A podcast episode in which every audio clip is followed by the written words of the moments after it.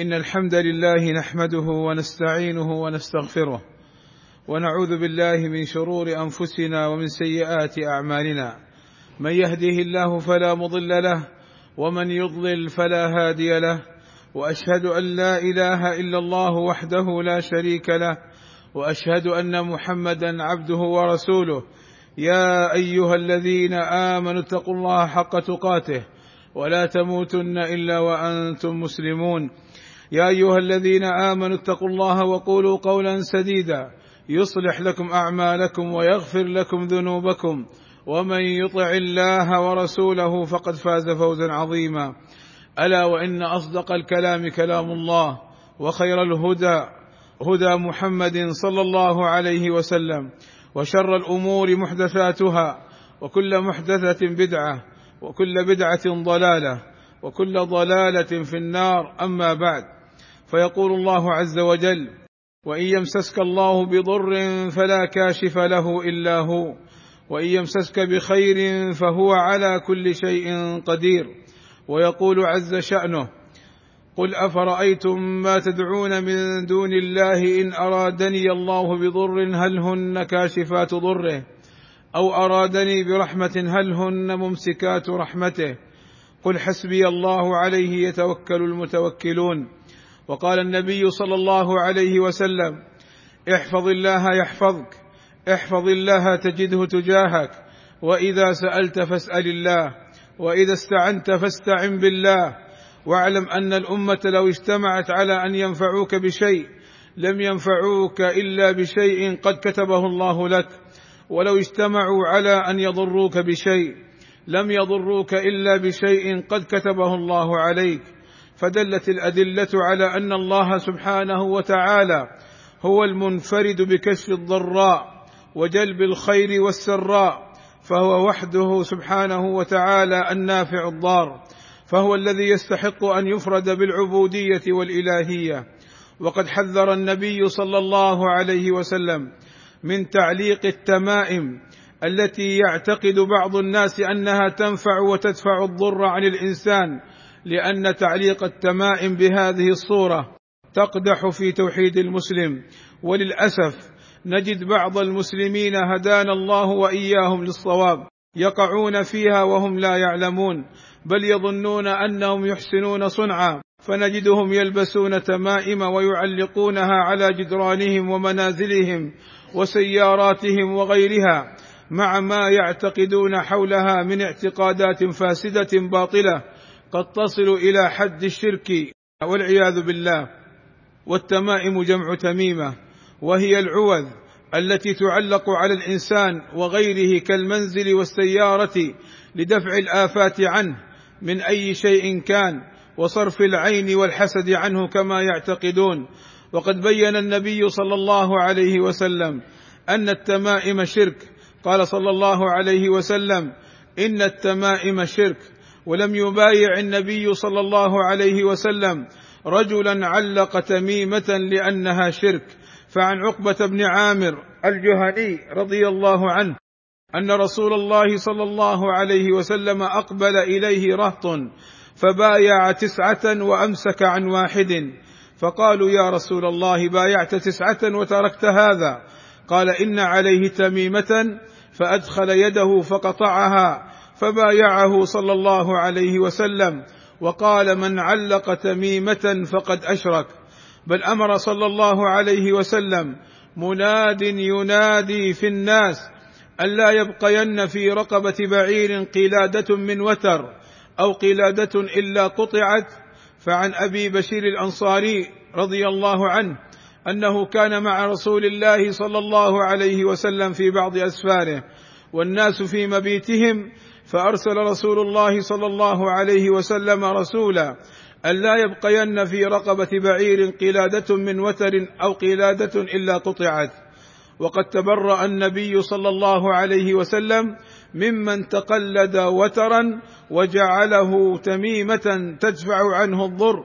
قال رويفع رضي الله عنه قال لي رسول الله صلى الله عليه وسلم يا رويفع لعل الحياة ستطول بك بعدي فأخبر الناس أنه من عقد لحيته أو تقلد وترا أو استنجى برجيع دابة أو عظم فإن محمدا صلى الله عليه وسلم بريء منه.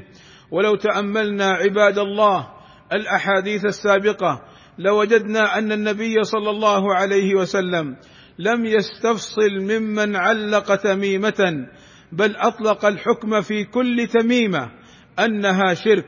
فدل على تحريمها مطلقا. وبعض الناس يعلق التمائم لتدفع عنهم الشر وتحميهم من الأخطار ولدفع العين وغير ذلك. قال الشيخ ابن باز رحمه الله تعالى التمائم المنهي عنها هي ما يعلق على الصبيان والمرضى أو غيرهم من خرزات أو حلقات أو مسامير أو عظام أو غير ذلك مما كانت تعمله الجاهلية. ويلتحق بذلك في أصح قولي العلماء ويلتحق بذلك في أصح قولي العلماء ما يعلق من القرآن والأدعية الشرعية لعموم الأحاديث الدالة على تحريم ذلك والنهي عنه.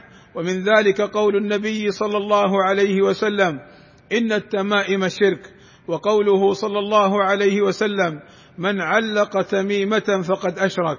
وفي الباب أحاديث أخرى كلها تدل على تحريم تعليق التمائم من أي نوع كانت وهي من المحرمات الشركية ولكنها من الشرك الأصغر إلا أن يعتقد من علقها أنها تدفع الشر عنه بنفسها دون الله عز وجل فإنها والحال ما ذكر تكون من الشرك الأكبر. أما من علقها معتقدا أنها سببا لدفع الأذى أو دفع الجن أو نحو ذلك فهذا من المحرمات الشركية. شركا أصغر وليس ذلك من الشرك الأكبر. انتهى. والله أسأل لي ولكم التوفيق والسداد وأن يغفر لنا الذنوب والآثام. إنه سميع مجيب الدعاء. الحمد لله رب العالمين. والصلاة والسلام على المبعوث رحمة للعالمين وعلى آله وصحبه أجمعين. عباد الله التمائم لها أشكال وأنواع فمنها التمائم التي فيها ذكر بعض الأسماء المجهولة والأبيات الشركية مثل قولهم في بعض التمائم خلعس دوس ملطوس ونحو ذلك من الكلمات التي لا يعرف معناها وكذا ما يكتب ويعلق على الصغار تمائم مكتوبا عليها البيت التالي نبي الهدى ضاقت بي الحال في الورى وأنت بما أملت منك جدير. وهي تميمة أم الصبيان المعروفه بالعهود السليمانية. وهذا من الشرك وكذلك التمائم المجهولة. وهي تمائم ليس بداخلها إلا أحرف وأرقام حسابية. وهذه التمائم يعرفها أصحابها بعلم الحرف والطلسم. وهي أيضا من التمائم المحرمة. وكذلك التمائم التي لا نفع فيها في حقيقة الأمر كلبس الياقوت والعقيق واللؤلؤ وتعليق الخرز على الأولاد وعلى السيارات وتعليق نعل صغير في مقدمة السيارة أو مؤخرتها وتعليق نعل الفرس في وجاهة الدار أو الدكان أو نحو ذلك ووضع بعض الحيوانات المجسمة في السيارات أو البيوت ظنا منها أنها تدفع عنهم الضر. وكل ذلك لا أصل له ولا أساس. ومنها التمائم التي يخلط القرآن بها ببعض الأمور الشركية أو بتقديم بعض الآيات على بعض أو بحذف بعض الكلمات وإبدالها بكلمات أخرى. وهذا النوع من أخبث الأنواع لأن العامة تظن أنه آيات قرآنية. ومنها التمائم المكتوب عليها آيات قرآنية أو أدعية نبوية أو غير نبوية فهذا أيضا قال العلماء في أصح قوليهما أنه لا يجوز تعليقها لما في ذلك وسيلة إلى الشرك ولأنه لم يرد دليل بجواز مثل ذلك وإنما ورد الدليل بالرقية وهي القراءة بالآيات القرآنية وبالأدعية غير الشركية على المريض والمصاب والقاعدة العامة في التمائم أن من علقها معتقدا أنها تدفع الشر عنه بنفسها دون الله عز وجل فإنها من الشرك الأكبر. أما من علقها معتقدا أنها سبب لدفع الأذى أو دفع الجن أو نحو ذلك فهذا من المحرمات الشركية شركا أصغر. وصلوا عباد الله على نبينا الكريم كما أمرنا الله سبحانه وتعالى بقوله ان الله وملائكته يصلون على النبي. يا ايها الذين امنوا صلوا عليه وسلموا تسليما. اللهم صل على محمد وازواجه وذريته كما صليت على ال إبراهيم. وبارك على محمد وازواجه وذريته كما باركت على ال إبراهيم انك حميد مجيد. وارض اللهم عن الخلفاء الراشدين ابي بكر وعمر وعثمان وعلي وعن جميع اصحاب النبي صلى الله عليه وسلم. اللهم آتنا في الدنيا حسنة وفي الآخرة حسنة وقنا عذاب النار. اللهم اغفر للمسلمين والمسلمات والمؤمنين والمؤمنات الأحياء منهم والأموات. اللهم وفق ولي أمرنا الملك سلمان بن عبد العزيز لما تحبه وترضاه وأصلح اللهم به العباد والبلاد واحفظه اللهم من كل سوء. ووفق ولي عهده الأمير محمد بن سلمان إلى كل خير واحفظه اللهم من كل سوء. اللهم أيدهما بتأييدك ووفقهما بتوفيقك وأعز بهما الإسلام والمسلمين وصلى الله وسلم على نبينا محمد وعلى آله وصحبه وسلم أجمعين والحمد لله رب العالمين